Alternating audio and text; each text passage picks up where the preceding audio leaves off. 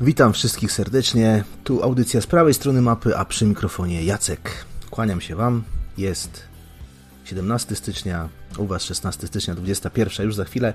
Zaczynamy trochę wcześniej, jak za starych, dobrych czasów, o 21. Nie udało mi się, szczerze mówiąc, wstać jakoś wcześniej. Witam serdecznie Dark Vipora na czacie. Obserwuję czata na YouTubie i co chwilę patrzę gdzieś tam na Discord. Napiszcie, czy mnie dobrze słychać. Dzisiaj taka krótsza audycja. Krótsza audycja o czymś, co mnie nieco zirytowało w ostatnich newsach. Ale najpierw może... Czy pamiętacie może moją rozmowę z Krawcem sprzed kilku dni o tym, jakie to dawniej były radia FM, jak to było niedawno jeszcze w radiu, jak to jest do dzisiaj i dlaczego nie warto słuchać radia? Przypomniałem sobie o jednej filmie, kultowym już można powiedzieć, który no, już ma prawie 25 lat. O tym, że jeden film zaczyna się dokładnie tak jak, jak radio, o którym rozmawialiśmy. Ciekawe, czy zgadniecie, jaki to film. Taki film, który no, ma już ćwierć wieku. A zaczyna się mniej więcej tak. Dzień dobry, a właściwie dzień upalny, godzina 14.55, 36 stopni w cieniu. Maturzystom się jak widać upiekło. Mam nadzieję, że już obmyślają plany na swoją wspaniałą przyszłość. No, byle im tylko ten żar nie zaszkodził. A dla tych, co mają egzamin dojrzałości już za sobą, piosenka zespołu Various Monks. I wchodzi Various Monks. Ciekawe, kto pamięta, jaki to film się tak zaczynał. Przypomniałem go sobie, bo jest na YouTubie. I dla mnie ten tekst bardzo śmierdzi latami 90. i radiami z lat 90. Jak to dawniej bywało, jak to dawniej te wszystkie radia, to całe FM było takie, nie bardzo wiadomo było czego tam słuchać. Napiszcie na czacie, co to jest. Więcej czadu? Nie, to nie jest więcej czadu. To polski film, a nie więcej czadu. Cześć Agi, witam serdecznie wszystkich na czacie. Już ludzie się powoli zbierają. Mam dzisiaj kilka historii do opowiedzenia, chociaż obie chyba niestety raczej smutne. Zawitamy na chwilę do Skandynawii, a nawet dalej, na największą wyspę świata, na cichą i zimną lodową pustynię do Grenlandii, a potem się na chwilę przeniesiemy do mojego Fyrtla, nad Pacyfik. No, ale będzie jeszcze smutniej, szczerze mówiąc. Tak, Zenon zgadł. Chodziło oczywiście o młode wilki. To młode wilki się tak zaczynały. Możecie znaleźć na YouTubie. Jest na YouTubie nagranie Młodych Wilków. E, cały film dostępny. Już nikt chyba nie ściga YouTuba za to. Jakoś tak dobrze mi go przypomnieć sobie. Przypomina mi lata, kiedy byłem młody i piękny. Dzisiaj już jestem tylko piękny. Pamiętam pierwszy raz oglądałem Młode Wilki sam wieczorem i miałem wtedy może ze 12 lat i zastanawiałem się, wow, ale super życie byłoby tak przemycać coś przez granicę do Niemiec albo z Niemiec pod Szczecinem. Chciałem też zostać takim gangsterem. Jedyny chyba który, czas, kiedy chciałem zostać gangsterem. To było właśnie wtedy. Pamiętajcie, że możecie do mnie dzwonić. Jestem na Skype'ie Nocnego Radia. Witam słuchaczy Nocnego Radia, witam słuchaczy kontestacji. Wiecie, miesiąc temu, na początku grudnia, pojawiła się informacja ze Skandynawii, która mnie tak trochę poruszyła. Mam wrażenie, że w polskich mediach tą sprawą no jakoś tak zupełnie nikt się nie zainteresował, bo być może wielki covidowy koc przykrył tą, jak i tysiące innych takich ciekawostek z różnych stron świata. Otóż wyobraźcie sobie, że na początku grudnia 2020 roku pani premier Danii i jednocześnie przewodnicząca socjaldemokratów w tym kraju klocków Lego, pani Mette Frederiksen, przeprosiła dzieci z Grenlandii, które w latach 50. zostały zabrane z Grenlandii do Danii. Przeprosiła te dzieci za coś, co nazwała nieudanym eksperymentem. Chyba jakoś na nikim nie zrobiło to żadnego e, wrażenia, ta informacja. No, COVID przykrywa wszystko. Takie czasy niestety smutne. E, ale po kolei. Żeby nadać sens tej historii, musimy się cofnąć. Chyba nawet o kilka stuleci. Myślę, że większość z Was wie, że Grenlandia to terytorium Danii. Chociaż o bardzo specyficznym statusie. Dania jest w Unii Europejskiej, a Grenlandia nie jest w Unii Europejskiej, chociaż Grenlandia należy do Danii. Tak naprawdę Grenlandia została odkryta przez Europejczyków, przez Norwegów, przez Wikingów z Norwegii, tak samo jak Islandia i Wyspy Owcze. Ostatnio w audycji Błażeja lewym okiem było o Islandii Polecam, bo bardzo dobra audycja wyszła. Naprawdę świetna audycja. Polecam odsłuchać, jeżeli ktoś nie słuchał. Chyba, że ktoś słuchał na żywo, tak jak ja, prawda?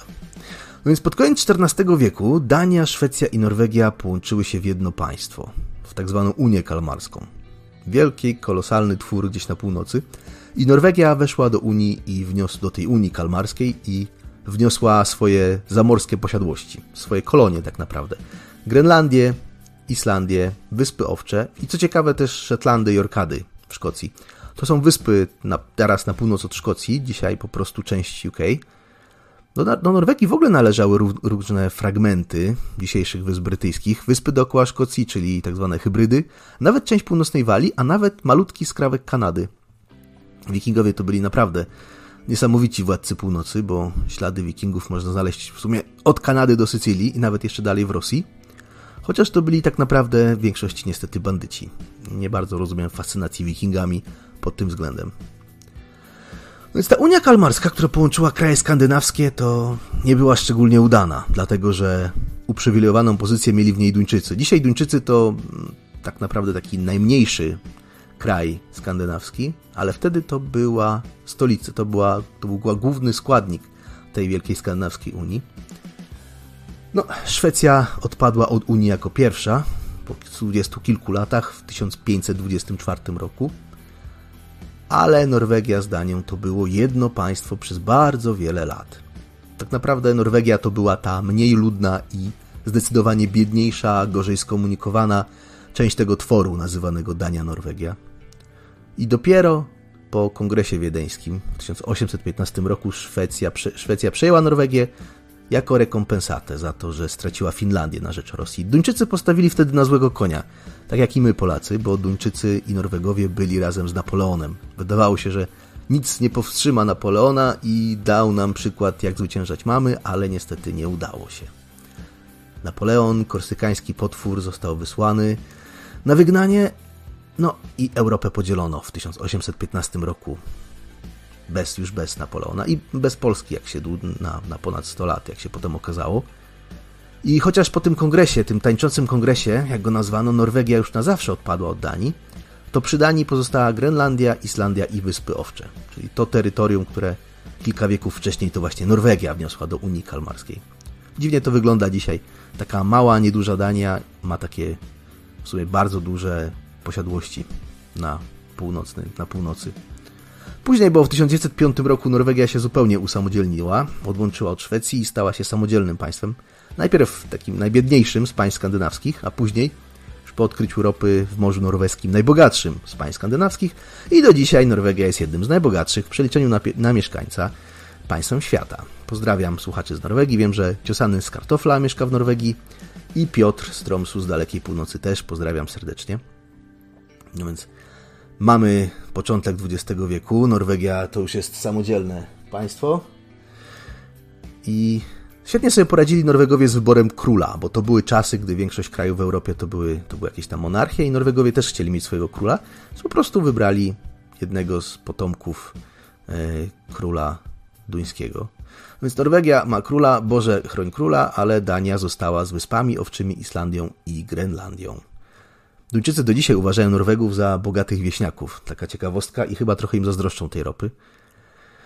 No i Islandia, o której była mowa, zyskała niezależność od Danii w 1918 roku, no ale aż do 1944 roku była związana z Danią przez Unię Personalną. Ten król Danii to był też król Islandii. W czasie wojny, na początku kwietnia 1940 roku, Niemcy zajęli Danię, ale nie zajęli Islandię, Islandii. Nawiasem mówiąc, nie wiem czy wiecie, Duńczycy się praktycznie w ogóle nie bronili, dlatego okupacja niemiecka w Danii była taka lekka. Nawet przez radio nie informowali, że Niemcy wkroczyli do Danii i potem wiele lat później, jak ja już byłem w Danii, mieszkałem w Danii, to państwo duńskie zorganizowało akcję Uwaga, Niemcy wkraczają, taką jakby taką inscenizację tego, jak y, duńskie radio powinno się zachować, gdy Niemcy wkroczyli. I całe duńskie radio udawało, że Niemcy wkraczają i podawało dokładnie, co się dzieje na granicy. Niemcy chcieli zająć Islandię, wymyślili sobie operację Ikarus, ale Brytyjczycy zaniepokojeni tym przygotowali swoją operację Widelec, Fork. Nie mam pojęcia, dlaczego ta operacja nazywała się Widelec.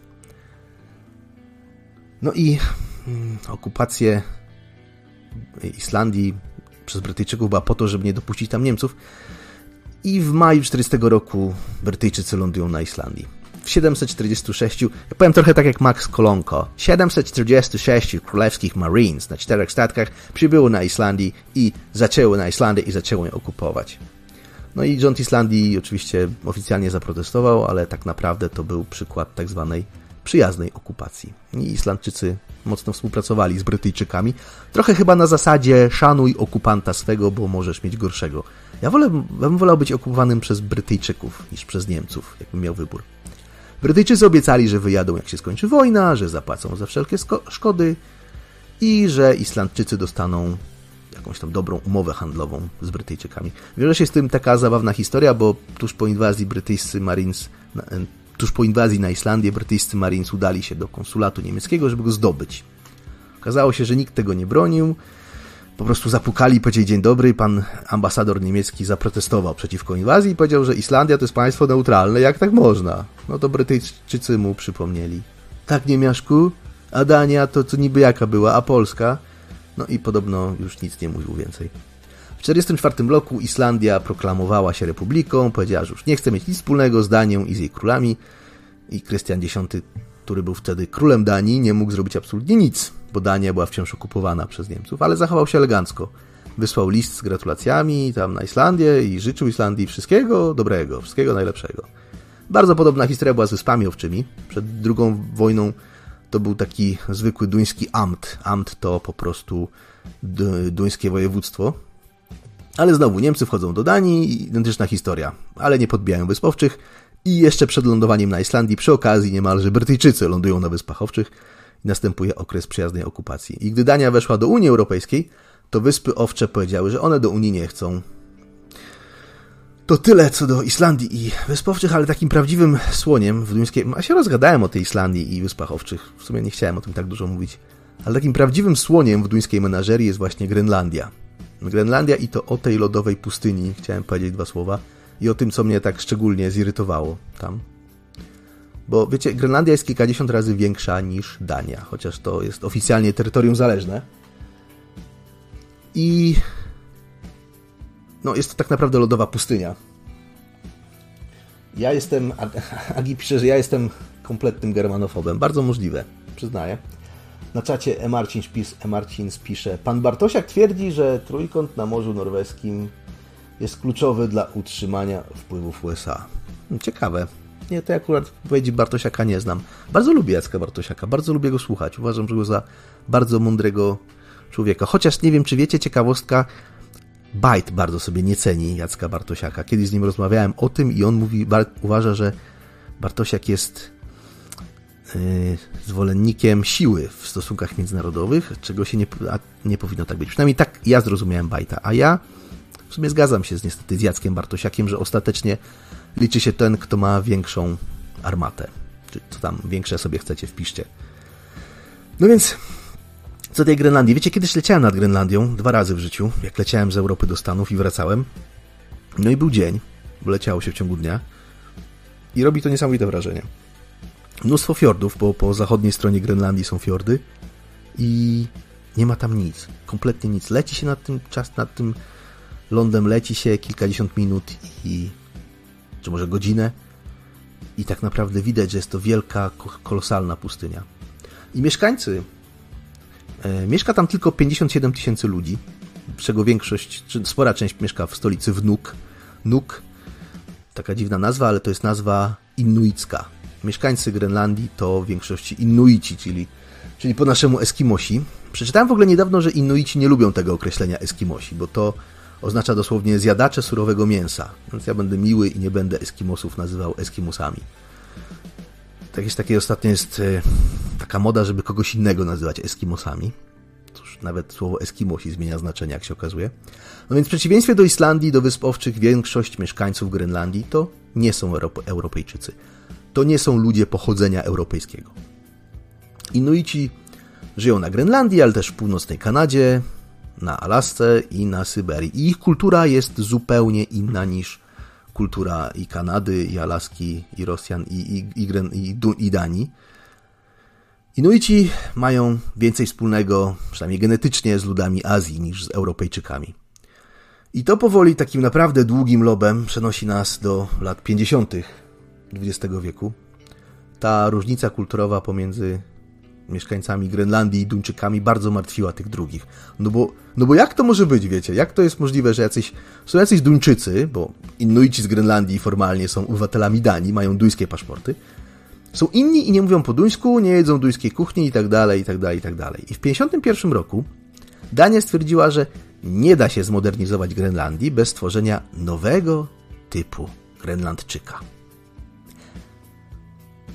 Tak, no bo Dania bardzo chciała zmodernizować Grenlandię, żeby to nie była już tylko lodowa pustynia, ale żeby to było coś na kształt głównej części Danii. I w latach 50. Dania rozpoczęła eksperyment socjalny. Miał on polegać na tym, że z Grenlandii zabrano do Danii dzieci. Dokładnie zabrano ich, no w sumie niedużo, dokładnie 22 dzieci, które zostały zabrane od rodziców i miano z nich zrobić, tu cytuję, małych Duńczyków. A jak się zapewne domyślacie, nie da się zrobić małych Duńczyków z małych Inuitów, jeżeli ci mali Inuici będą wciąż wychowywani przez dużych Inuitów, czyli przez swoich prawdziwych, prawowitych rodziców. Nauczyciele i pastorzy mieli wytypować dla państwa dzieci do zabrania do Danii. Przybył, przybyła na Grenlandię yy, przybyła na Grenlandię yy, ekspedycja z Danii i obiecano rodzicom na Grenlandii, że ich dzieci trafią do prawdziwego raju, bo Dania to jest prawdziwy raj, że nauczą się duńskiego i dostaną na koszt państwa bardzo dobrą edukację. Oczywiście rodzice nie chcieli oddawać dzieci, no bo kto normalny chce oddać kilkuletnie dziecko e, na jakąś podróż, nie wiadomo dokąd. I ci ludzie nigdy nie znali Danii, nie wiedzieli, co to Dania jest. Kto pod, kto po, po dobroci chce oddać swoje dziecko. Więc zabierano te dzieci pod przymusem od rodziców. Oczywiście, jak się okazało, że no, rodzice nie bardzo chcą te dzieci oddawać. Oszukiwano rodziców, że to tylko na kilka miesięcy, że wrócą i jak już pobędą w tej duńskiej macierzy, to po powrocie na Grenlandię czeka ich naprawdę prawdziwa, świetlana przyszłość. Jak się okazało, wcale ich nie czekała taka świetlana przyszłość. Tych 22 dzieci przybyło na statku do Danii, no i nastąpiło coś, co można nazwać trochę kultem cargo, Czyli skoro dzieci się uczą w duńskich szkołach i skoro mieszkają w duńskich rodzinach, bo ulokowano te dzieci w jakichś tam rodzinach zastępczych w Danii, to już wszystko pójdzie dobrze i za jakiś czas rzeczywiście da się przerobić tych biednych, małych, kilkuletnich Inuitów na małych Duńczyków. Oczywiście okazało się, że nic nie poszło tak jak trzeba. Dzieci się w Danii czuły wyobcowane, nie znały języków, czuły się opuszczone, bo to były najczęściej kilkuletnie szkraby po prostu. Źle się uczyły i tęskniły za rodzicami, tak, jak się można domyślać. Także bardzo, bardzo smutna sprawa. E, no i co się dało, stało dalej? No, dzieci źle się uczyły, bo nie uczyły się duńskiego, nie rozumiały, znały języka, nie, nie rozumiały, co się wokół nich dzieje. I po pewnym czasie, po kilku miesiącach, wysłano te dzieci z powrotem na Grenlandię. W międzyczasie w Danii były przerzucane z jednej rodziny zastępczej do drugiej. Okazało się, że wiele tych rodzin zastępczych zupełnie się nie nadawała do tego, żeby opiekować się dziećmi. I w pewnym czasie z powrotem, po powrocie na Grenlandię, no wydaje mi się, że zrobiono już naprawdę coś obrzydliwego, bo po powrocie te dzieci umieszczono w domach dziecka. Czujecie? Mieszkali tuż obok rodziców, ale wciąż kapitan państwo zmuszał te dzieci do mieszkania w domu dziecka, żeby tylko nie mieli zbyt dużej styczności z Inuitami. Kagibierut pisze na czacie, że według pewnej szurskiej teorii Inuici to pozostałość po Wielkiej Tartarii. Ja się boję nawet zapytać, co to jest wielka tarta, tartaria. Agi pyta się, czy wiadomo, kiedy rozpoczynają się te zapowiedziane wtorkowe audycje Bajta. Nie wiem. Przepraszam, ale nie wiem. Nie wiem nic. Ciekawe pytanie, sam chciał wiedzieć, szczerze mówiąc, ale Bajt do mnie się coś nie odzywa, chyba się obraził. No, trudno. Nic, nic nie poradzę. No więc dzieci okazało się, z tych, z tych dzieci, które w latach 50. z Grenlandii zostały zabrane, ukradzione tak naprawdę rodzicom, do dzisiaj żyje już tylko sześć, sześć starszych osób. Wiele z nich miało problemy w dorosłym życiu, miało problemy natury psychologicznej, psychiatrycznej. Nigdy już nie odbudowały te dzieci relacji z rodzicami. Cały eksperyment to była jedna wielka porażka, jak się zapewne domyślacie. Podobno dzieci miały bardzo duże problemy z oceną, z oceną własnej wartości. Tak to jest, jak się zabiera dzieci od rodziców. I pani premier Danii powiedziała w grudniu miesiąc temu, że jest im bardzo przykro, że jest państwu duńskiemu bardzo przykro i że nie mogą niestety y, wrócić do, że nie mogą cofnąć przeszłości, no ale cóż, muszą powiedzieć o tym, że mają przeprosić, bo trzeba mówić, że za mało zapłaciłem. No cóż, wiem, że kiedyś już mówiłem o podobnej sprawie, ale jakoś ta sprawa też mnie bardzo poruszyła. I wiecie, mam kilka refleksji na ten temat. To pierwsze, coś co mnie dziwi. Spójrzcie na to czas, kiedy to się działo. To były lata 50., więc jak śpiewał Rynkowski, wojna ledwo trzasnęła drzwiami. I wydaje się, że te teorie, które propagowali Niemcy, że trzeba zmieniać na siłę kulturę innych ludzi, że germańskie narody i kultura jest najlepsza na świecie, że to zbankrutowało. Że już chyba wszyscy wtedy wiedzieli, że to jest nonsens. No a tymczasem Dania poszła zupełnie w poprzek tych wniosków. Raptem kilka lat wcześniej skończyła się wojna i przepraszam, że pojadę Tuwimem, postanowiła Dania reaktywować wypierdy germańskiego ducha, jak to mówił Tuwim. Po drugie, i to jest wydaje mi się ciekawe, ta akcja została szeroko poparta przez tak zwane elity intelektualne. Znowu tą akcję zorganizował rząd i tu znowu pojadę Tuwimem z szajką wytwornych pint na kupę. Ta akcja zabierania dzieci od rodzin inuickich wywołała na początku same ochy i achy ze strony, tak jak mówiłem, intelektualnych elit. To jest niestety kolosalny problem, jaki ja mam ze sporą częścią intelektualistów, że uważają, że oni wiedzą lepiej i uważają, co gorsza, za swój obowiązek uszczęśliwiać innych na siłę, ponieważ oni wiedzą lepiej. O, właśnie taka mała ciekawostka, zanim w ogóle wyjedziemy ze Skandynawii. Wiecie, co to jest Vision Zero? Po angielsku, po polsku Wizja Zero. To jest taki tym razem szwedzki projekt, który ma zredukować do zera liczbę śmiertelnych wypadków na drogach. Wiz wizja zero. I mają bardzo dużo takich ciekawych postulatów, na przykład ograniczyć prędkość w miastach do 30 km na godzinę. Poza miastami do 70, a na autostradach do 100 km na godzinę. No, mnóstwo też innych ciekawych, podobnych rozwiązań.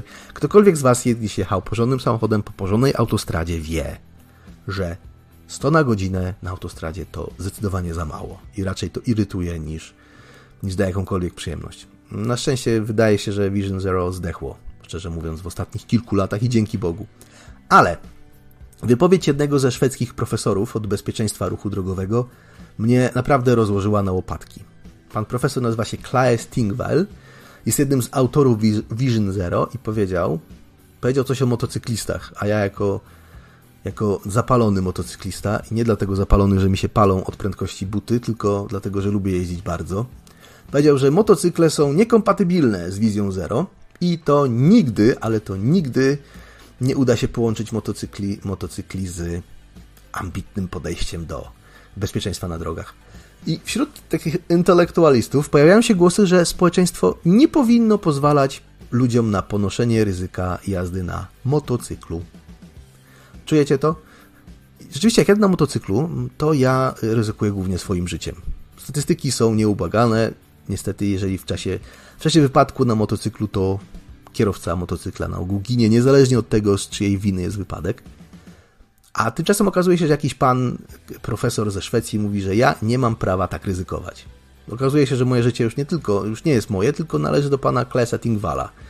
Czyli mamy takie państwo, które ma się mną opiekować. I co ciekawe, ciekawe, co ciekawe, y, jest niestety znowu wielu ludzi, którzy to bardzo serdecznie popierają. Za wspaniały pomysł, za cudowny pomysł, że państwo wzięło pod opiekę tych, tych motocyklistów głupich, którzy ryzykują swoim życiem. Światowicz Sława pisze, że jednoślady będą nielegalne. No, mam nadzieję, że nie będą. Może w Szwecji będą, ale mam nadzieję, że na, na świecie nie.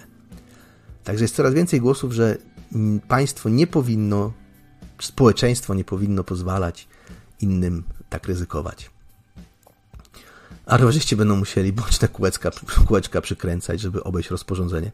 No cóż, no cóż, co ja zrobię? W takim razie też sobie przykręcę kółeczka do motocyklu.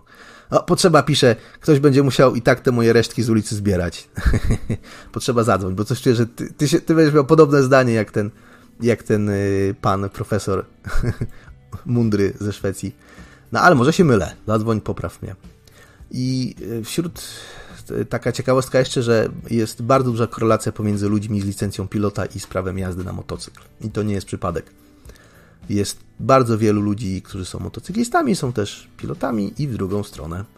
E, tak mi się wydaje, że lotnictwo i żeglarstwo to jest chyba wciąż, to są wciąż te dziedziny, gdzie pan Wadza i ludzie pokroju pana Tingwala jeszcze nie włożyli swoich łap aż tak głęboko.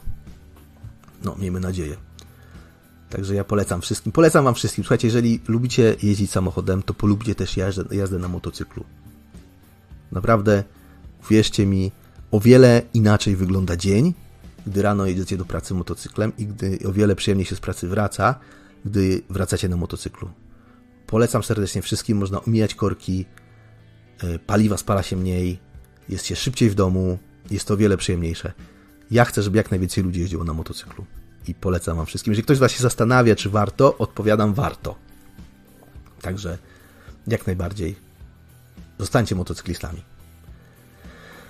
No i po trzecie, taka już moja refleksja na koniec jeszcze odnośnie tej akcji, za którą państwo duńskie przeprosiło. Jak myślicie, ile jest teraz akcji w tym momencie, które aktualnie przeprowadzają rządy, które mają uszczęśliwić innych na siłę? No i oczywiście, które są bardzo szeroko popierane przez bardzo wielu mądrych ekspertów, e, które za 10, 20 czy może za 50 lat e, będą znowu za te, za te akcje i za tych ekspertów państwa będą przepraszać. Oczywiście już to nie będą ci sami ludzie, nie będą ci sami politycy. Tak jak pan i premier Danii prywatnie oczywiście w tej sprawie nic nie jest winna, że kiedyś zabierano dzieci od Grenlandczyków, z Grenlandii. Ile takich akcji się aktualnie dzieje w Polsce, w Europie czy na świecie? E, no, które, za które ktoś będzie przepraszał kiedyś. Ale oczywiście, które na wszystkim nam teraz tłumaczą, są bardzo niezbędne, są bardzo potrzebne. Ja nie wiem, ile takich akcji jest. Nawet nie umiałbym dokładnie powiedzieć z całą pewnością, że to jest to albo to, ale niech każdy sobie odpowie sam. Bo ja szczerze mówiąc myślę, że nie jedna, nie jedna taka akcja się dzieje na świecie. Jest coś optymistycznego w tej całej historii, żeby tak nie zakończyć tej historii grenlandzkiej zupełnie pesymistycznie. Mianowicie to tak naprawdę pewna modernizacja Grenlandii się udała. Udała się nie w ten sposób, że zabierano dzieci od rodziców, tylko w taki sposób bardzo naturalny, w sposób taki można być organiczny. Po prostu w pewnym momencie coraz więcej Inuitów przyjeżdżało na, do Danii, coraz więcej Duńczyków jeździło na Grenlandię, pojawiła się wymiana handlowa, pojawiła się, się współpraca, wnuk powstał uniwersytet i w sposób zupełnie naturalny, w sposób zupełnie naturalny Grenlandia się zmodernizowała tak naprawdę. Można powiedzieć nawet, że kultura do pewnego stopnia przypomina kulturę duńską. Oni wciąż uważają, o, dzwoni nam potrzeba. Halo, halo, cześć potrzeba. Halo, halo. Szczęść kangurze. No, wyzywałeś mnie i oto jestem. Absolutnie się z tym doktorkiem e, e, nie zgodzę, tak? Tylko że, tylko, że mimo wszystko wydaje mi się, że jest bardzo duża krótkowzroczność, jeżeli chodzi, jeżeli chodzi o wszelkiego rodzaju urządzenia do e, transportu i do tego bardziej się czepiałem, a nie do, e, do tego, żebym w jakiś sposób legitymizował to, że warto zdelegalizować motocykle. No, to, to tak, to prawda. Ale a konkretnie o czym mówisz, że jest y, krótkowzroczność? To rzuć jakimś przykładem.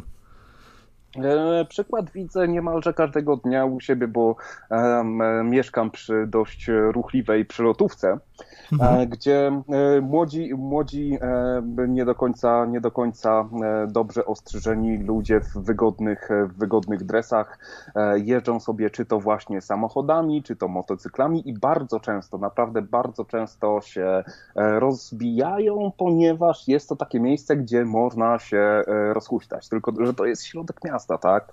I w momencie, kiedy dochodzi do takiego wypadku, nie daj Boże wypadku śmiertelnego, to też trzeba zdawać sobie sprawę, że okej, okay, to jest jego odpowiedzialność, to jest jego życie, ale jednocześnie jest tutaj cała, e, cały proces, który e, paraliżuje ten węzeł komunikacyjny miasta i ktoś musi ten, ktoś musi ten mózg pozbierać z ulicy, e, e, tę czaszkę, te kawałki, e, te kawałki skóry pozbierać z ulicy i zatrzymuje w bardzo ciężki sposób ruch na kilka godzin. To tak samo na zasadzie, że wie, że jeżeli samobójca rzuca się pod, pod pociąg, to jest tylko i wyłącznie jego decyzja, tak? Czy może nie, czy może w tym pociągu jedzie kilkaset osób, które mają umówione spotkania, które jadą do swojej rodziny i muszą poczekać 3-4 godziny, żeby przyjechał prokurator, który... Nie, zgadzam się z tobą.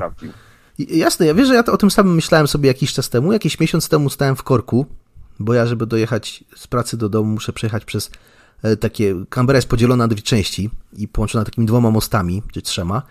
I na tym moście zdarzył się wypadek i stałem przez to w korku jakąś godzinę. I zastanawiałem się dokładnie nad tym samym. W sumie, czy ja mogę, mam prawo żądać teraz od ubezpieczyciela tego gościa za stratę, za to, że stałem w tym korku godzinę. No tylko, że y, jakby tych wszystkich ludzi, którzy stali policzyć, to, to już byłyby, myślę, setki milionów dolarów, nie? Więc na pewno ubezpieczenie nie pokrywa takiej kwoty. Ale masz, zgadzam się z tobą, to jest w 100% dobre pytanie, bo tam co prawda na szczęście nikt nie zginął, były tylko dwa dosyć mocno uszkodzone auta, ale kto teraz zapłaci za to wszystko dookoła, prawda? Za, tak jak mówię, za sprzątanie tego i za to, że no kilka tysięcy ludzi stało sobie w korkach. No, to jest dobre pytanie, tu się z tobą w 100% zgadzam. Mhm. I tutaj bardzo ładnie podjąłeś kwestię autostrady, tak? Gdzie te 100 km na godzinę to jest za mało, czy to no, w ogóle, żeby się poruszać, tak? No, e, jest, to, jest to wręcz utrudnianie, utrudnianie prawda, ruchu. E, tylko, że to jest autostrada. Masz odpowiednio inaczej zbudowaną tę jezdnię, tak? Masz odpowiednie miejsce, masz pasy awaryjne, masz odpowiednie barierki energochłonne, żeby w razie, jeżeli coś by się e, zdarzyło, no to wówczas, żeby, te, żeby, ta, żeby ta szkoda była w pewien sposób zmitygowana.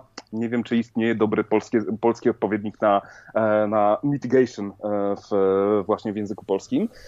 No i, e, no i tak, no oczywiście, zapierdalajmy ile tylko fabryka dała, ale róbmy to poza terenem zabudowanym, bo ja naprawdę jestem ogromnym fanem tego, że jeżeli, jeżeli wręcz zamykamy da, dla ruchu kołowego, w, e, dla e, prywatnych samochodów nawet, centra miast. Pamiętam kiedyś byłem, na, kiedyś byłem we Włoszech i kiedy pojechałem do Rzymu, spojrzałem sobie na, na taki diagram komunikacji miejskiej i jeżeli sobie staniesz, nie wiem, w Warszawie, w Łodzi, w Szczecinie czy we Wrocławiu, to masz tam godziny i minuty, kiedy te autobusy przyjeżdżają.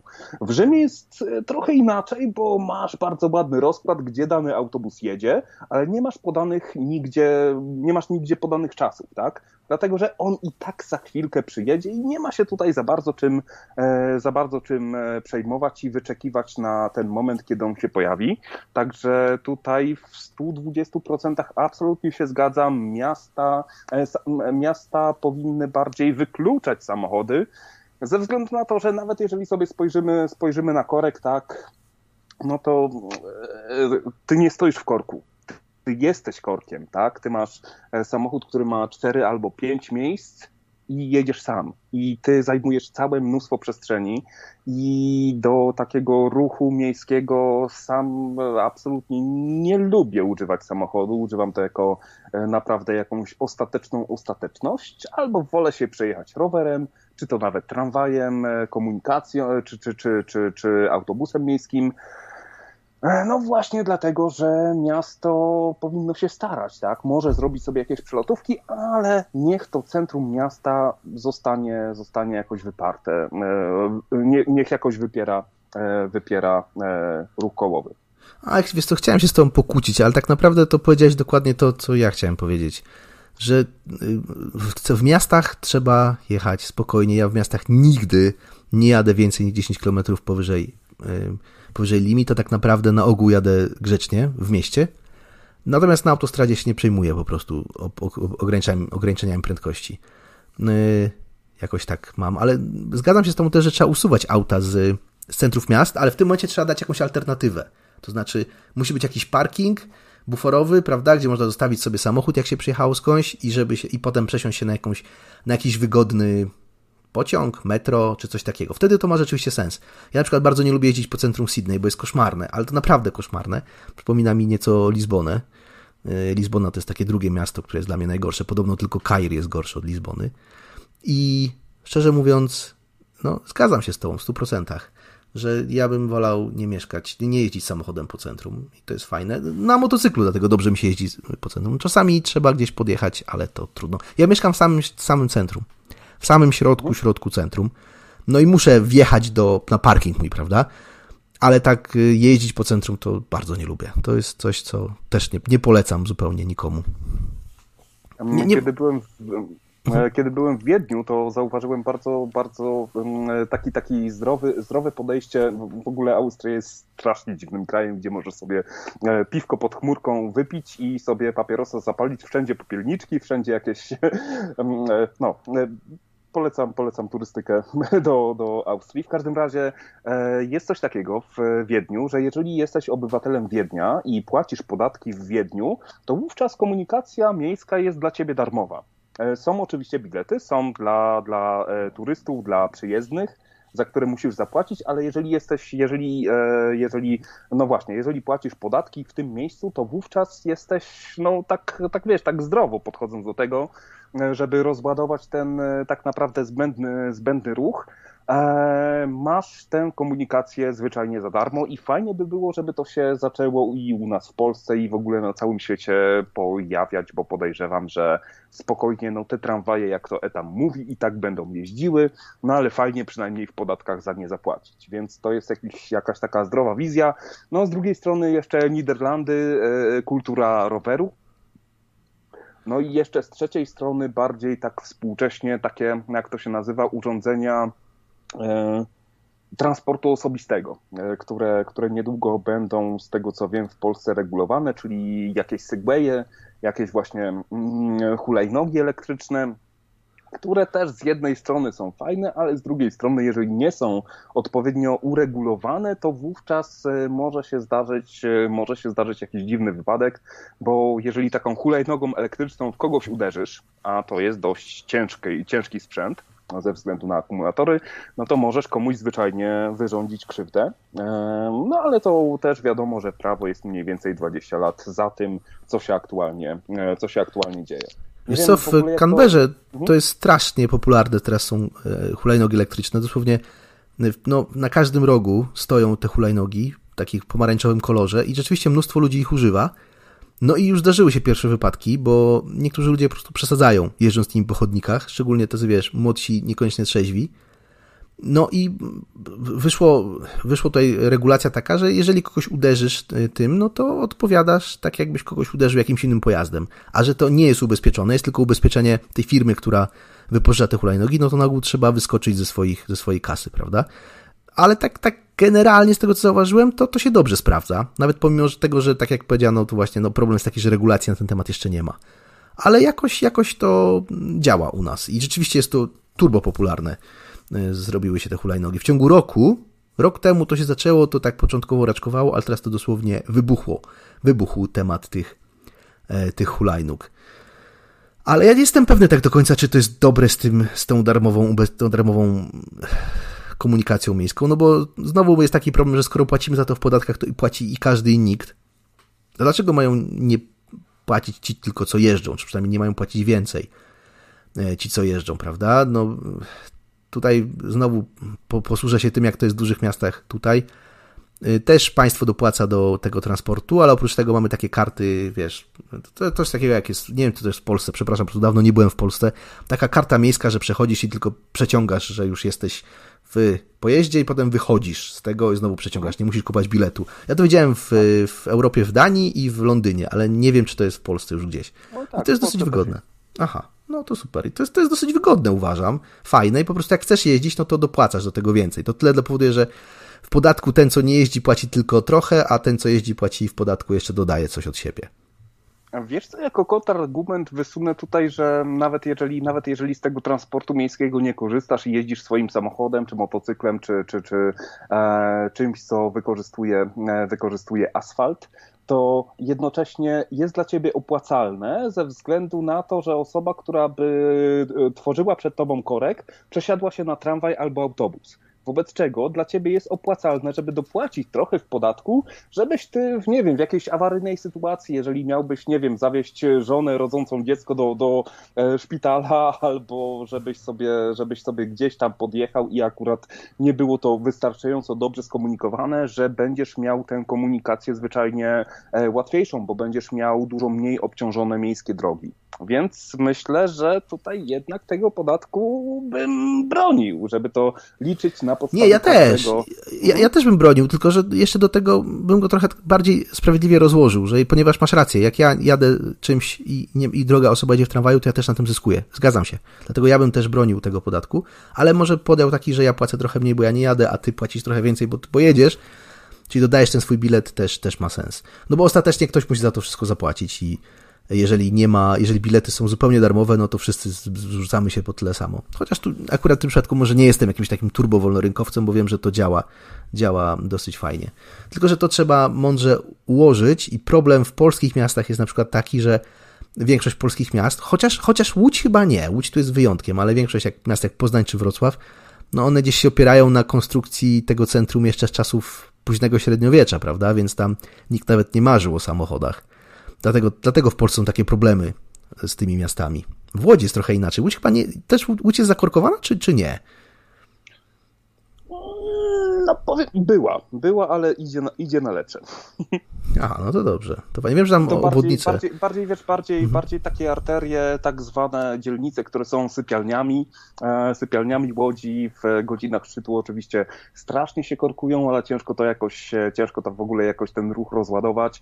Centrum mamy, e, śródmieście mamy naprawdę bardzo ładnie roz, e, rozładowane, dlatego, że tam się jeździ naprawdę ciężko, naprawdę ciężko w ogóle się dostać do jakiegokolwiek punktu i czasami, czasami wiesz, czasami masz taką świadomość, że bardziej, e, bardziej ci się opłaca przejść tam kilometr do tego centrum i sobie wrócić, jeżeli masz jakąś tam sprawę do, do zrobienia. No oczywiście ruch taksówek i ruch e, komunikacji miejskiej jest dozwolony, ale um, cała, cały inny ruch kołowy jest zablokowany i jednocześnie jest na tyle utrudniany, żeby żebyś się tak dwa razy po główce zastanowił, podrapał, czy warto faktycznie wsiadać do tego samochodu, czy przypadkiem nie lepiej, e, nie lepiej sobie pójść piechotą. I to mi się, i to mi się strasznie podoba.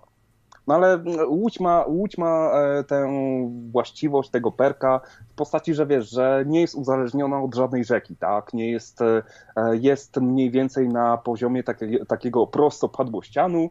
E, trochę takie, ta, tak się mówi, że Łódź to, Łódź to takie, takie polskie Detroit. E, gdzie zostało, zostało to zaprojektowane, może nie tyle zaprojektowane, ale wyszło, że e, możemy, możemy na bardzo wiele sobie pozwolić i nie mamy ograniczeń w postaci nierówności terenu, w postaci, e, nie wiem, jakichś miejsc, gdzie są złoża i warto postawić kopalnię, czy właśnie choćby tej rzeki, jak we Wrocławiu, żeby postawić 140 tysięcy mostów, żeby nam przeszkadzały. E, I, Ale czy tam nie ma jakichś takich dziwnych historii w Łodzi? Czytałem jakieś takie tajemnicze sprawy, że jak powstawała Łódź w XIX wieku, to jakieś nieduże rzeki puszczono kanałami pod miastem, które do dzisiaj tak. gdzieś tam istnieją? To jest ciekawa no, sprawa. Są. Ale to nie ma w tym żadnej tajemnicy. Słuchaj, jeżeli przyjdziesz do Łodzi załatwić, załatwić wycieczkę, bo można sobie e, się umówić na wycieczkę po tych kanałach. Nawet pamiętam w zeszłym, wróć, dwa lata temu na, wielkie, na Wielką Orkiestrę wylicytowano um, ślub udzielany przez, przez prezydent miasta Łodzi e, właśnie w, w, w tychże, w tych, mm, jak to się mówi, w tych dziwnych łukach, w strasznie klimatyczne miejsce, tak, zbudowane właśnie czerwoną cegłą w XIX wieku, no ale to jest, wiesz, no, to jest kurde XIX-wieczna kanalizacja. No, Gdzie brałeś ślub?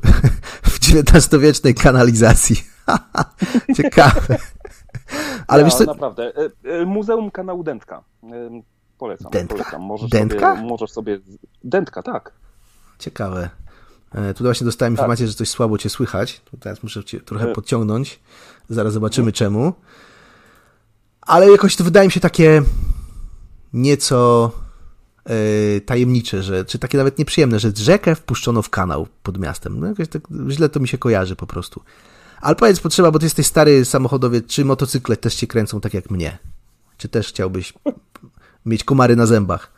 Tak jak ja czasami no, mam. Oczywiście, oczywiście, oczywiście, tylko nie mam gdzie teraz, e, nie, nie miałbym gdzie teraz e, trzymać, e, trzymać bestii, więc niestety nie mam obecnie, ale, ale tak, tak. No, Zdecydowanie, w stu procentach tak, tak. Nawet, nawet wiesz, jadąc samochodem masz mi trochę głupio, tak, że wożę powietrze. No niestety ja też miałem takie wrażenie i często mam, że właśnie wożę powietrze, e, jak jadę sam. No ale czasami trzeba.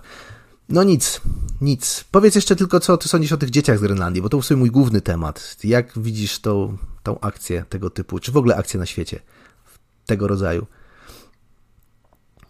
Wiesz co, no, to jest śliska sprawa, tak, ze względu na to, że ciężko mm, opowiedzieć się po jednej czy po drugiej stronie, tak, ze względu na to, że E, może inaczej, łatwo przesadzić, tak, że jest bardzo, bardzo małe widełki takiego, takiego, nie wiem, żeby ludzie, żeby społeczeństwo było zadowolone, a również, żeby te dzieci były zadowolone i być może przesadzono. To znaczy na pewno przesadzono, ale e, dobrze, że coś takiego się stało, żeby nikt później tego samego błędu nie popełniał. No, ale ja myślę, że tutaj nie da się po prostu nie popełnić błędów w takich sprawach. Ja uważam, że jest bardzo. Żeby odebrać dzieci rodzicom, musi być naprawdę bardzo ważny powód. Tak naprawdę zagrożenie życia, zdrowia czy coś takiego. Tak bym powiedział. No ale to w dalszym, ciągu, w dalszym ciągu jest śliskie. Jeżeli miałbyś, nie wiem, rodziców antyszczepionkowców, to czy, czy, czy, czy jeżeli, jeżeli, jeżeli swoich dzieci nie szczepią, no to pytanie, czy to jest zagrożenie dla ich zdrowia i życia. No nie, to ja, ja uważam, że każdy ma prawo nie szczepić dzieci. Tu jest, ja jestem wielkim zwolennikiem szczepionek. Sam za, za, moja córeczka jest szczepiona na więcej niż było zalecane, ale ja bym nie zabierał za to, e, za to, że, trzeba, że ktoś nie chce szczepić. To jednak nie jest tak. Musi być bezpośrednie zagrożenie. To tak samo jak, czy ktoś chce dzieci uczyć o tym, że świat to jest dysk położony na czterech y, tych, na czterech żółwiach. No trudno. Takich ma rodziców. Nie zabierałbym za to w każdym razie. Ja osobiście. A Dark, Dark Viper mnie tutaj dopytujesz drugi raz, jaką maszynę posiadam. Mam Gixera 750 e, Suzuki z 2019 roku. Wiem, że w Europie nie ma 2019 roku w tych, tego modelu, bo zabiły regulacje euro, ale w Australii i w Stanach i w Japonii są. No i mój to biało-czarna, 150-konna. O, 750, ja pierdolę. Tak. E, e, długo ją masz? Że tak Dwa lata. Zapytam? Dwa lata. I to e, jest, no ja jestem zwolennikiem tego typu rzeczy, dlatego że ja lubię być oparty o przód, czyli opierać się mocno o kierownicę, dlatego że wtedy wiem, w którą stronę mój motocykl jedzie. Jak kilka razy próbowałem jeździć na czymś takim, gdzie się siedzi do tyłu mocno, na takich, na chopperach, coś takim, to czuję się jakbym był w małym samochodzie. Nie przepadam za tego typu historiami. Trochę się boję. No dobra, nawet. to e, ja swoją barkę pozostawię na brzegu. Jeszcze tylko jedną wkrętkę, jeszcze tylko jedną wkrętkę odnośnie, odnośnie e, e, komunikacji miejskiej e, wrzucę, bo e, trochę off topic, ale, ale jest to powiedzmy dla mnie jakiś fajny, fajny temat. Rowery miejskie rowery miejskie, które w wielu miastach Polski się bardzo fajnie sprawdziły, gdzie e, jesteś wręcz zachęcany przy, przy użyciu biddingu tego, e, tego roweru miejskiego, że przez pierwsze 20 minut korzystania z tego roweru miejskiego masz to za darmo. E, jeżeli sobie to wykorzystujesz przez godzinę, to wówczas płacisz 2 złote, jeżeli, jeżeli korzystasz przez e, dwie godziny, to wówczas płacisz 4 zł i tak z każdą kolejną godziną jest to coraz mniej opłacalne i to naprawdę bardzo pięknie rozładowało taki, taki wiesz, taki mały, e, mały ruch. E, więc sądzę jeszcze, no właśnie, wracając, wracając do, do tego, e, tego wątku, no, może nie do końca państwa, bardziej korporacji, które za tym, e, które za tym stoją, tak, to mm, kurde, róbmy sobie po prostu dobrze i nie kombinujmy za bardzo, nie ulepszajmy czegoś, co jest dobre. E, i znajdźmy jakiś taki, nie wiem, jakiś taki sensowny, sensowny wspólny punkt. A w ogóle diesle powinni zlegalizować, zdelegalizować. No. Zgadzam się w 100%. Ja też jestem przeciwnikiem tego. Jak się dowiedziałem, ile to produkuje syfu, które potem my wdychamy, no nie, tego to nie powinno jeździć po centrach miast. Tu się z tobą w 100% zgadzam.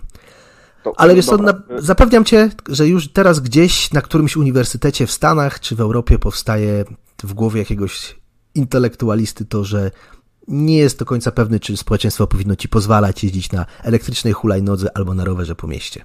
Są już takie, ktoś ma takie zamysły. Tak to zostawię. To ja cię jeszcze zostawię z jedną myślą, ze względu na to, że z rokiem 2021 we Francji e, skończyły się dopłaty do kupowania diesli. O, ciekawe. To ciekawe. Francuzi byli mistrzami w dieslach. Tam było chyba 70% Y, samochodów było kupowanych, to było jako silniki wysokoprężne. No, e, Sam fakt istnienia czegoś takiego jak dopłata do, do kupna diesla mnie ogromnie zszokowała, ale powoli, powoli Francja, Francja zaczyna nadążać za Ugandą.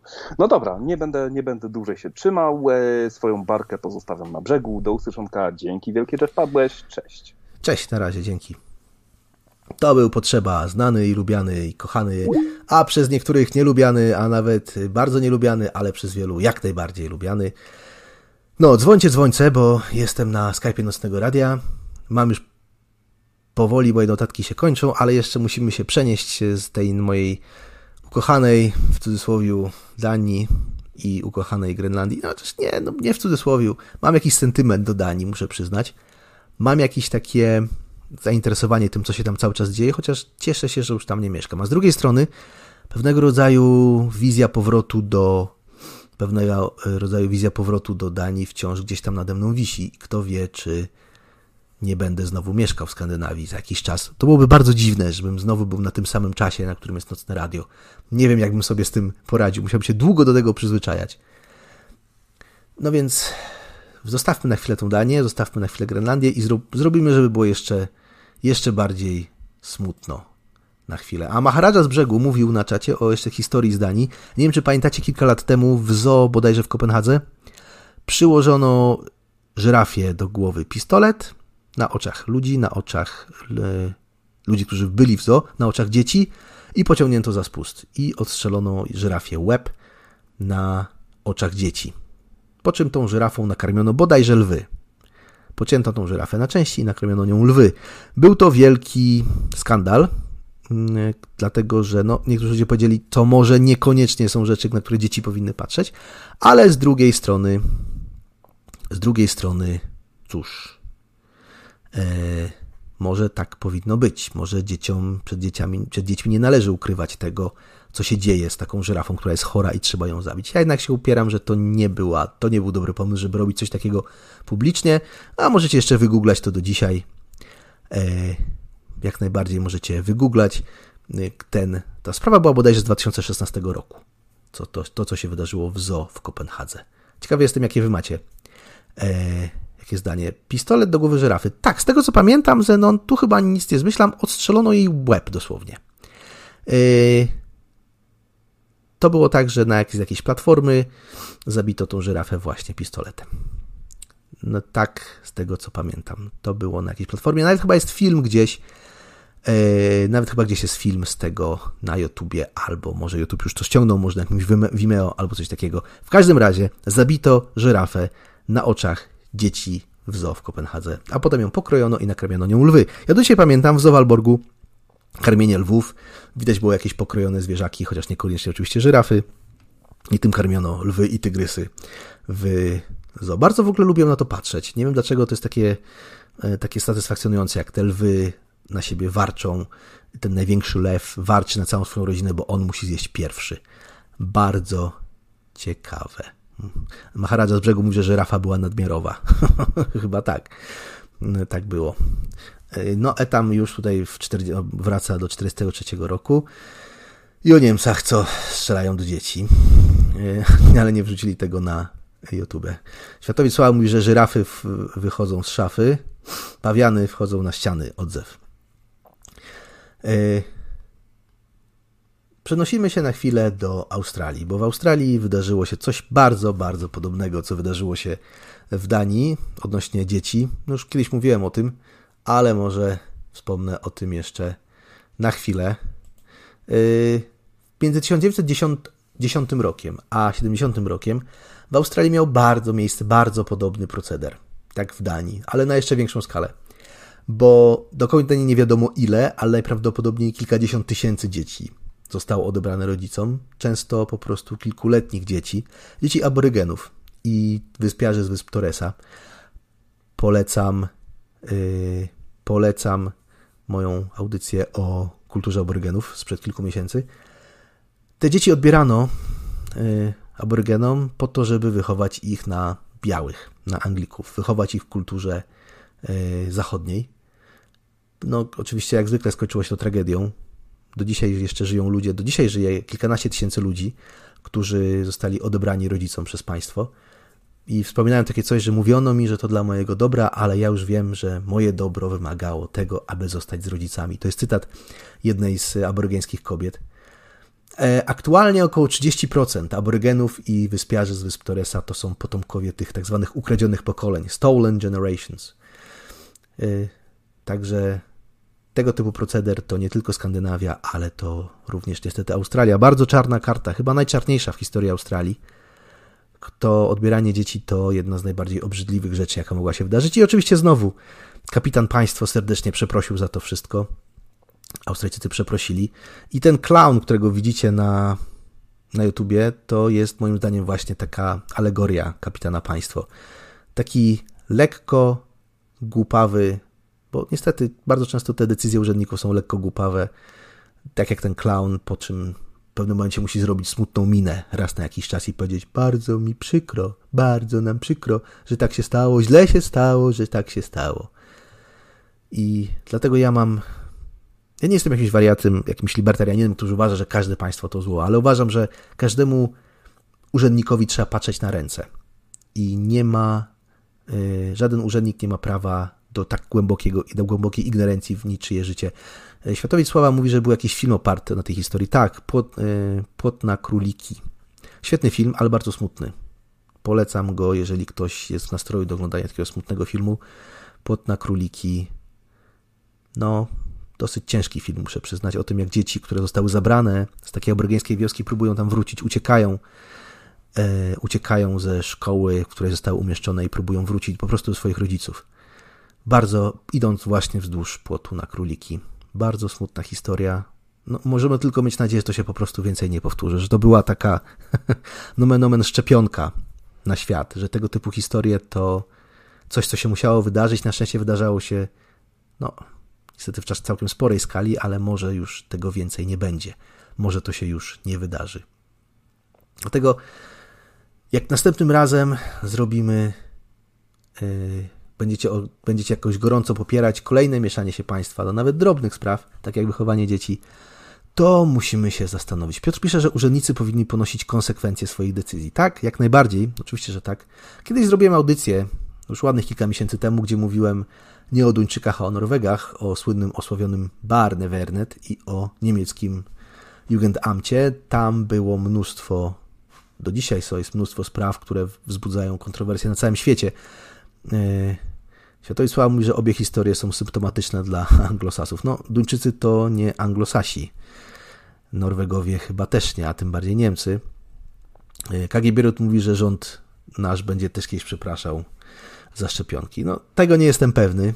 Zobaczymy, jak to będzie, ale myślę, że przede wszystkim za reakcję, jaką rząd nasz zrobił na, e, na to, co się, na, na całą pandemię, za to wiele rządów na świecie będzie kiedyś przepraszać. Myślę, że tak się stanie. No, samo to, że wiele różnych rządów zareagowało zupełnie różnie. Niektórzy podeszli bardzo, bardzo rygorystycznie, inni bardziej, bardzo liberalnie.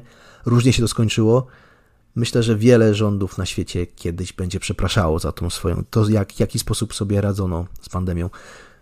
Myślę, że twierdzenia niektórych szurów, że pandemia nie istnieje, są oczywiście idiotyczne, są głupie, ale to, co należy komentować i to, co ja śledzę i staram się komentować, to to, w jaki sposób rządy reagują na pandemię.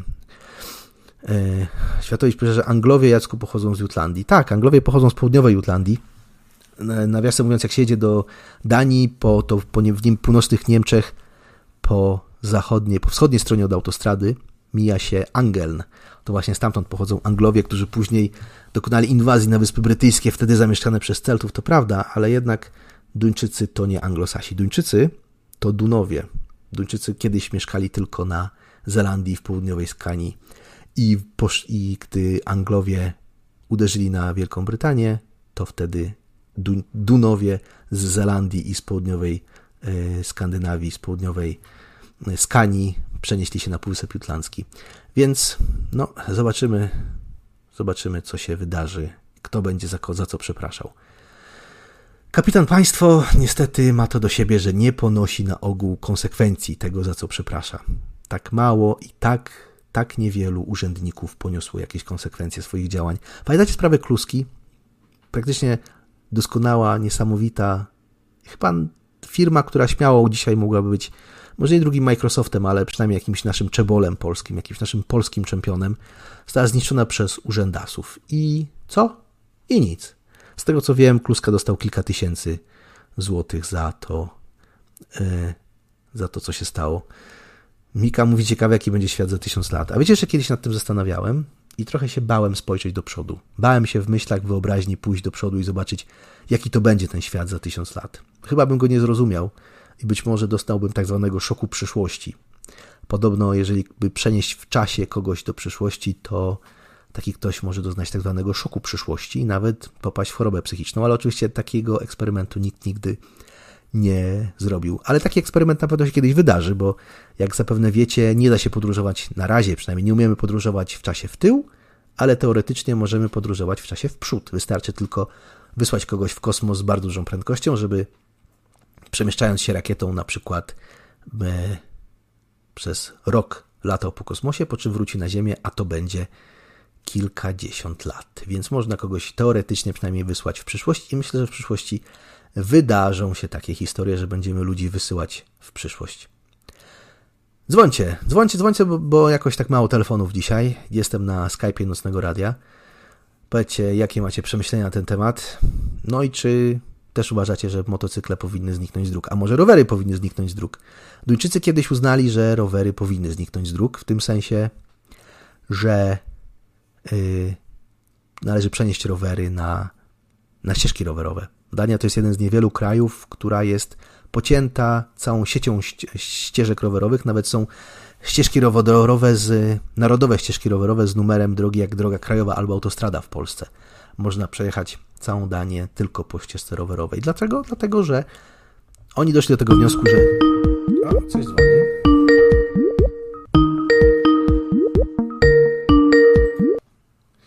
Halo, halo.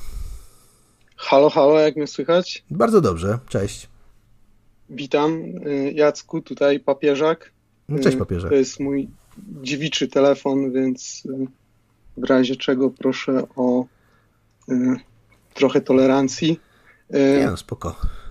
Tak, nie wiem, czy było wspomniane, ale w temacie wtrącania się państwa to jest taka książka 27 śmierci Tobiego Obeda, o ile dobrze jego nazwisko przeczytałem i e, chyba nie wspominaliście o Kanadzie, a to jest właśnie jakby sprawa kanadyjska. E, zachęcam do zapoznania się. E, jak, nie przeczytałem książki, więc nie chcę jakoś się wymądrzać, aczkolwiek chodzi o podobną sytuację, jak wspominaliście, z Grenlandią oraz y, z Australią, z aborygenami, to tam y, dotyczyła rdzennych y, jakby mieszkańców Kanady, Indian. Mhm. I tam były specjalne szkoły w ogóle stworzone, które właśnie jakby ten bohater tej książki jakby opisuje, jakby sam ukończył taką szkołę i to były takie byty właśnie, że zabierano dzieci e, rdzennym mieszkańcom, żeby ich tak jakby uczłowieczyć. To, to trochę źle brzmi, no ale to trochę tak, tak miało być, że jakby e, żeby wyrównać do, do tego społeczeństwa i zabierano te dzieci jak e, rdzennym rodzicom, jakby rdzennym mieszkańcom i te szkoły były na tyle daleko, żeby nawet nie można było tam w jakiś taki prosty sposób y, tych dzieci odszukać, tak, czy, czy zabrać jakby z powrotem i y, no to bardzo podobna sytuacja do tych, co mówiliście i chciałbym tylko właśnie dać znać, żeby się zapoznać, bo... Jak, jak mówisz, ta książka się nazywa? 27 śmierci? Tobiego Obeda. Tobiego Obeda. Ja słyszałem o tej historii z Kanadzie, ale nie, wie, nie, wie, nie znam żadnych szczegółów. Słyszałem o tym, że Kanadyjczycy robili podobne rzeczy. Wiesz, kiedy to się może działo? Jakie to były lata? Czy to było dawno temu? To, to, były, y, to były jakoś lata 50., tak mi się wydaje. Czyli 50, znowu tuż po wojnie. to były... Tak, tak, tuż po wojnie. Mogę... No. Y, no to jest, to jest, to jest to straszna nie, nie, sprawa. Nie, nie chcę czytać jakiś ten, tak, jakby to jest bardzo szokujące, bo to też tam, y, tam była bardzo duża patologia się działa jakby w tych szkołach y, typu, że y, no, dzieci się tam gwałciły nawzajem, potem te, które były jakby wykorzystywane, robiły to samo jakby kolejnym, no duże, duże takie no, zjawisko no, fali. Patologie, no, ciężko, tak, tak, ale i właśnie bardzo sobie ci ludzie nie radzili i y, ten główny bohater w ogóle jakoś y, później się rozpił y, już w takim dorosłym życiu i, i, i, i tam któregoś razu, tam są bardzo siarczyste zimy i któregoś razu gdzieś za mocno popił i gdzieś został na dworze i tam mu odmarzły chyba dwie nogi i, i ręka, czy jakoś, jakoś tak, że y, no, na wózku jeździ. Więc y, no, nie radził sobie też potem i to opisuje właśnie wszystko jakby w tej książce. Ja w przeczytam sobie to. Ktoś... Zaraz sobie to zapiszę do przeczytania. Yy, dlatego, że no to też jest ciekawa sprawa. Jakoś to tak źle wygląda, prawda? Z jednej strony Australijczycy, z drugiej Kanadyjczycy. No o Kanadzie często się mówi, że Kanada to taka prawdziwa Kanada, że tam jest tylko wszystko dobrze, wszystko miło i to taki jeden z najszczęśliwszych krajów na świecie. No i tak jak mówisz... No i tam też że... jest trochę o, ty, o tym przepraszaniu właśnie też, yy, bo ty wspomniałeś, że potem państwo przeprasza i potem, bo tam w ogóle yy, co ciekawe, to jeszcze to były katolickie te szkoły, i Kościół tam y, też miał jakieś odszkodowania zapłacić, ale oczywiście Kościół nie zapłacił, tylko, y, tylko Kanada zapłaciła i tam Kanada przeprasza i tak ten, ale no tam jest bardziej skomplikowana sprawa. Ja też jakby słyszałem od osoby, która czytała książkę, y, rozmawiałem, ale sam jeszcze nie czytałem, więc też nie chcę, mówię tak tutaj wszystkiego ten, wszystkiego zdradzać, żebym nie, nie przekręcił za bardzo faktów. E, Jasne, ale no tak powiedziałeś, że to źle, to, to źle brzmi, że ucywilizować, no ale trzeba powiedzieć prawdę. Ci ludzie tak myśleli, że trzeba tych tamtych ludzi ucywilizować, że oni są, że po prostu trzeba y, zrobić z nich w cudzysłowie ludzi. No i to jest, to jest coś okropne. A na czacie Marta Pa mówi, że czytała książkę. Marta, zadzwoń.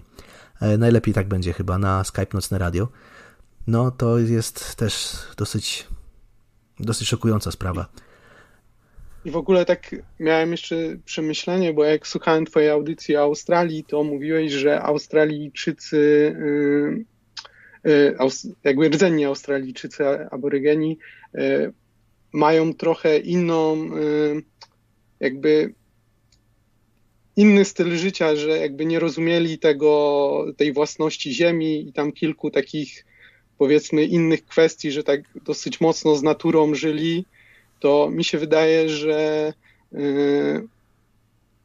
y, jakby z tymi rdzennymi mieszkańcami y, Kanady mogło być tak samo, że jak on, oni tam, tam było też, tam był jakiś taki wątek też z przekazaniem ziemi, że biali ludzie tam jakby wykorzystali to przekazanie ziemi, bo to miało być takie, że po prostu no okej, okay, to żyjcie wśród nas, coś tam, coś tam, a okazało się, że oni po prostu ich, ich zaczęli, wiesz, jak, w jakiś sposób tam im odbierać tą ziemię coraz bardziej, nie? I mi się wydaje, że że, że oni też mocno żyli tak jakby z naturą i trochę w ogóle te koncepty, które my tam przynieśliśmy, z jednej strony, no, jakby pochodzimy z tej kultury, więc ja rozumiem te koncepty, ale z drugiej strony to było takie zderzenie i to, co zrobiono, to trochę, no, no, no nie powinno się do końca to wszystko tak, tak dziać, jak, jak się działo, no bo.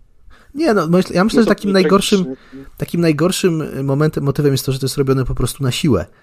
Nie ma w tym złego, żeby zachęcić jakieś, jakiegoś tak, człowieka, tak. który jest w sumie już prawie dorosłym człowiekiem, że poszedł na uniwersytet, y, czy żeby poszedł do szkoły jakiejś już, powiedzmy, jakieś starszym dzieckiem, jakimś nastolatkiem do, z internatem, gdzie rzeczywiście pozna przynajmniej tą kulturę zachodnią. To, to jest dobre, wydaje mi się, to jest coś, co warto promować. Ale, tam właśnie była ta mhm. kwestia, mhm. że odbierali y, jeszcze nieletnie dzieci, tak, jakby do tych szkół rodzicom, więc to było takie właśnie no mocno na siłę i to mm, chyba z tego, co zrozumiałem, bo chwilę tylko słuchałem, że y, jakby Dania na Grenlandii tak samo odbierała chyba siłą, tak? Tak, tak, no, to, to nie było tak dokładnie powiedziane, ale y, no było tak, że bardzo mocno zachęcali te dzieci i w pewnym momencie no, nie byli w stanie ci rodzice się oprzeć temu, a szczególnie, że oni, mówiąc kolokwialnie, ściemniali tych rodziców, że za parę miesięcy wrócą, że będą miały świetne wykształcenie, że nauczą się duńskiego, a ci, te dzieci nigdy już nie wróciły do swoich rodziców, nawet jak wróciły na Grenlandię, to państwo trzymało je w domach dziecka. Przerażające to jest dla mnie. W ogóle tak mi się wydaje, że mm, tak trochę mówiłeś, czy można jak uciec od tego, żeby w jakiś sposób państwo ingerowało i tak podałeś y, przykład i kluski i, i w ogóle podajemy przykłady też mocarstw, no bo przecież jak y, y, Holandia też miała w Afryce swo, swoje dziwne jakby sytuacje i, i, i wiele tych mocarstw do, do, do, doprowadzało do, do, do bardzo takich tragicznych rzeczy. I mi się wydaje, że dopóki sztuczna inteligencja naprawdę nie będzie współrządziła w jakiś sposób, no to człowiek, y, nie wiem, zawsze w jakiś sposób y, mający taką władzę, jakby y, dołączając do tego nepotyzm i wszystkie te inne rzeczy, no to zawsze to potem tworzy się taki patologiczny byt, który nigdy nie funkcjonuje, żeby tak dbać o dobro całości, tylko zawsze to jest w którąś stronę zmanewrowane, że póki wiesz, nie będzie jakiejś takiej bezstronniczej władzy, to, to ciężko będzie, żeby, żeby takie rzeczy się no, mniej lub bardziej nie wydarzały. Dlatego moim, moim pomysł jest taki, żeby po prostu państwo jak najmniej się wtrącało w życie ludzi.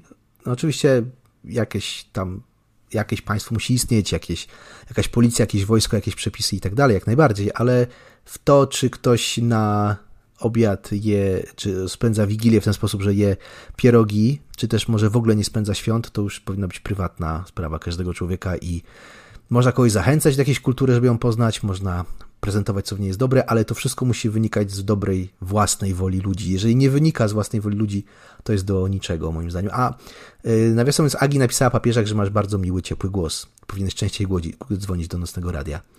Yy, to jest twój pierwszy telefon do nocnego radia w ogóle? Bo przecież ty jesteś znany z Discorda. Tak, tak. Jak powiedziałem na początku, że dziewiczy telefon, to nie, nie, nie kłamałem. No to super, to rewelacja. Jakby to, to... mam jeszcze taki zestresowany głos. Jak nie, nie przejmuj się. Wszystko jest dobrze, jest bardzo dobrze. I w ogóle z ciekawym tematem dzwonić, no bo do, do, tej listy krajów, tak jak mówisz, trzeba dodać niestety, niestety Kanadę. Yy, także, no cóż, kolejny kraj, który ma sporo za uszami. No nic, coś jeszcze, papieża, chcesz dodać? Nie, myślę, że starszy na początek. Na, na, dzięki, na, za dzięki wielkie za telefon. Dzwoń częściej, bo naprawdę ciekawie mówisz. I tak jak mówiła Agi, głos masz bardzo radiowy. Nie taki sztuczny radiowy jak ja, tylko naprawdę radiowy. Dzięki. Okej, okay, to nie przedłużam, trzymaj się. Hej.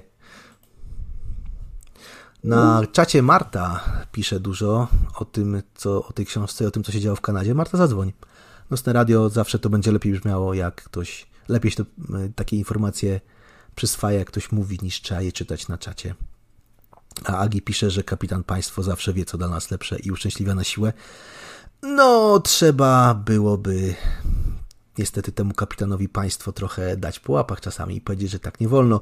No tutaj znowu wracamy do tematu y, akcji Otwieramy. Ciekawy jestem, jakie jest wasze zdanie. Ja muszę przyznać, że gorąco popieram akcję Otwieramy, dlatego że chyba już na to czas nie dziwię się, a przynajmniej nie dziwię się ludziom, którzy mają do wyboru otworzyć i złamać obostrzenia, które jak okazuje się w sądach często są nielegalne, niż y, no, zbankrutować, sprzedać dom, czy to, żeby stracić wyżywienie rodziny.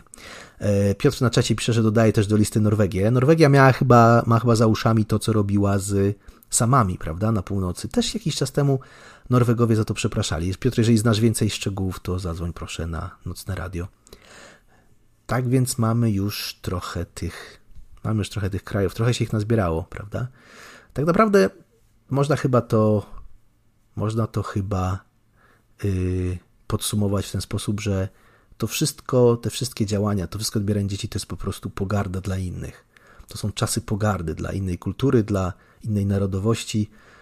Coś, czego, no, co trzeba jak najbardziej gorąco potępić tą właśnie czas pogardy. Kiedyś był taki odcinek Sensacji XX wieku o czasach pogardy, o tym, co się działo w Związku Radzieckim za Stalina, to o tym, co się działo w Polsce za czasów okupacji. I ta właśnie pogarda dla innych, tylko dlatego, że inaczej myślą, że mają inną cywilizację, że mają, że inaczej widzą świat.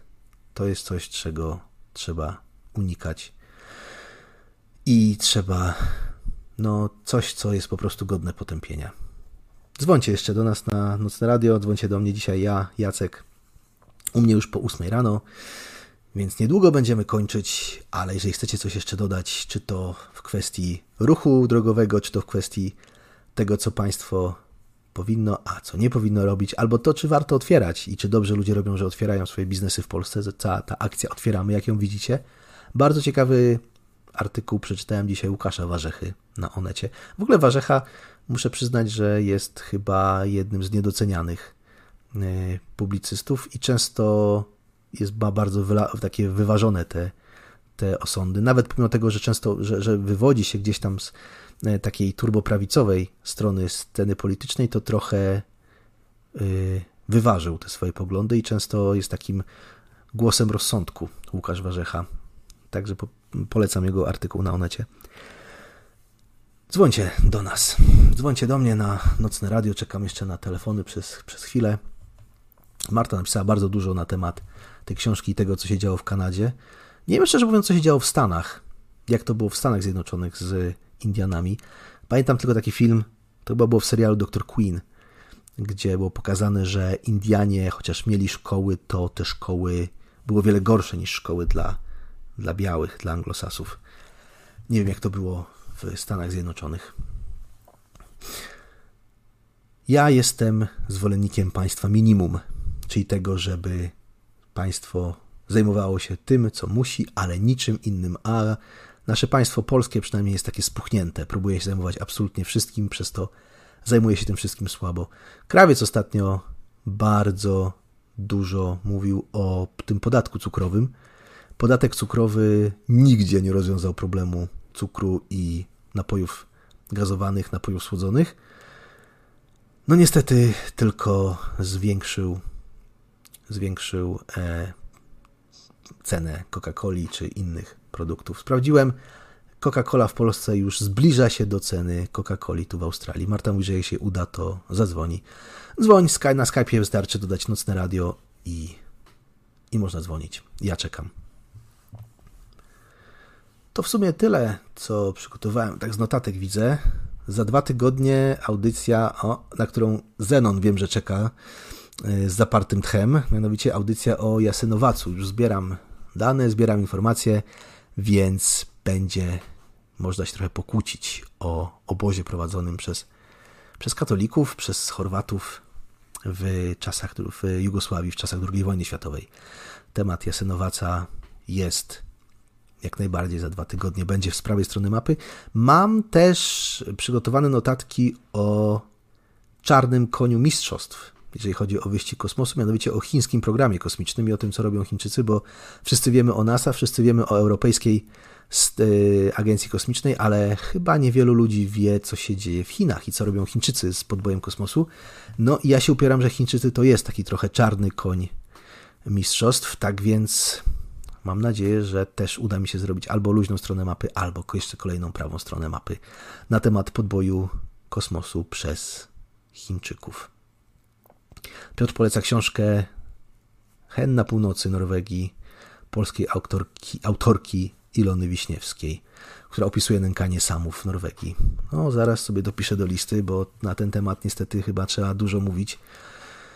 Ten temat jest o tyle ciekawy, że dużo ludzi się ze mną zgadza i dużo ludzi yy, uważa, że to, co robi państwo często w takich sprawach, jak właśnie nękanie samów czy odbieranie dzieci Grenlandczykom, to skandal. Dużo ludzi jakoś tak czuje to podświadomie, że takie rzeczy to jest coś okropnego, a jednak wciąż zdarzają się e, takie decyzje jakichś krajów, jakichś rządów, które, które chcą iść w tym kierunku. Szwecji w Szwecji przez wiele lat był program obowiązkowej sterylizacji ludzi, których uważano za niegodnych tego, żeby się rozmnażać. No tutaj trochę yy, zaatakuję mojego kolegę z Radia Błażeja, który kiedyś, dawno, dawno temu w jednej z audycji powiedział, że to byłby świetny pomysł, żeby ludzie mieli licencję na posiadanie dzieci. Ja się opieram, że to byłby zły pomysł, żeby ludzie mieli licencję na posiadanie dzieci, dlatego że yy, znowu urzędnik decydowałby o tym, kto i jak może mieć dzieci. Straszne. Wydaje mi się to straszne. Wydaje mi się to takie nawet, bym powiedział, wydaje mi się to yy, takie dystopiczne, żeby urzędnik decydował, czy mogę, czy nie mogę mieć prawo do posiadania dzieci. No dobrze, jeszcze chwila na patrzę, co się dzieje na Discordzie. Jeżeli nie jesteście na Discordzie, to pamiętajcie, robicie to źle. Wpadajcie na Discorda Nocnego Radia. Na Discordzie cały czas i zawsze dzieje się coś. Jeżeli nie ma akurat audycji, to bardzo często są rozmowy na kanale głosowym. Komuś się nudzi, kto chce, ktoś chce czegoś posłuchać, albo ktoś chce po prostu popisać, no, z niebagatelnymi i nieprzeciętnymi ludźmi, bo tylko tacy są na Discordzie, to zapraszam serdecznie na Discorda. Link jest pod audycją wpadnijcie na Discorda Nocnego Radia. Tam zawsze coś się dzieje, ale ostrzegam, jest uzależniający i wciągający. Bardzo dużo ludzi mówi, że się wprost uzależniło od Discorda Nocnego Radia. No ale w takim towarzystwie nocno-radiowym być też bym się uzależnił. No nic, to chyba to chyba na tyle na dzisiaj. Y, to była z prawej strony mapy Skoro nikt nie dzwoni, to ja się będę powoli żegnał. Przy mikrofonie był Jacek i dziękuję Wam za to, że wpadliście. Słuchajcie Nocnego Radia, na pewno jutro, na pewno pojutrze będzie więcej audycji. I do usłyszenia niedługo. Pozdrawiam Was serdecznie. Trzymajcie się do następnego razu. Cześć.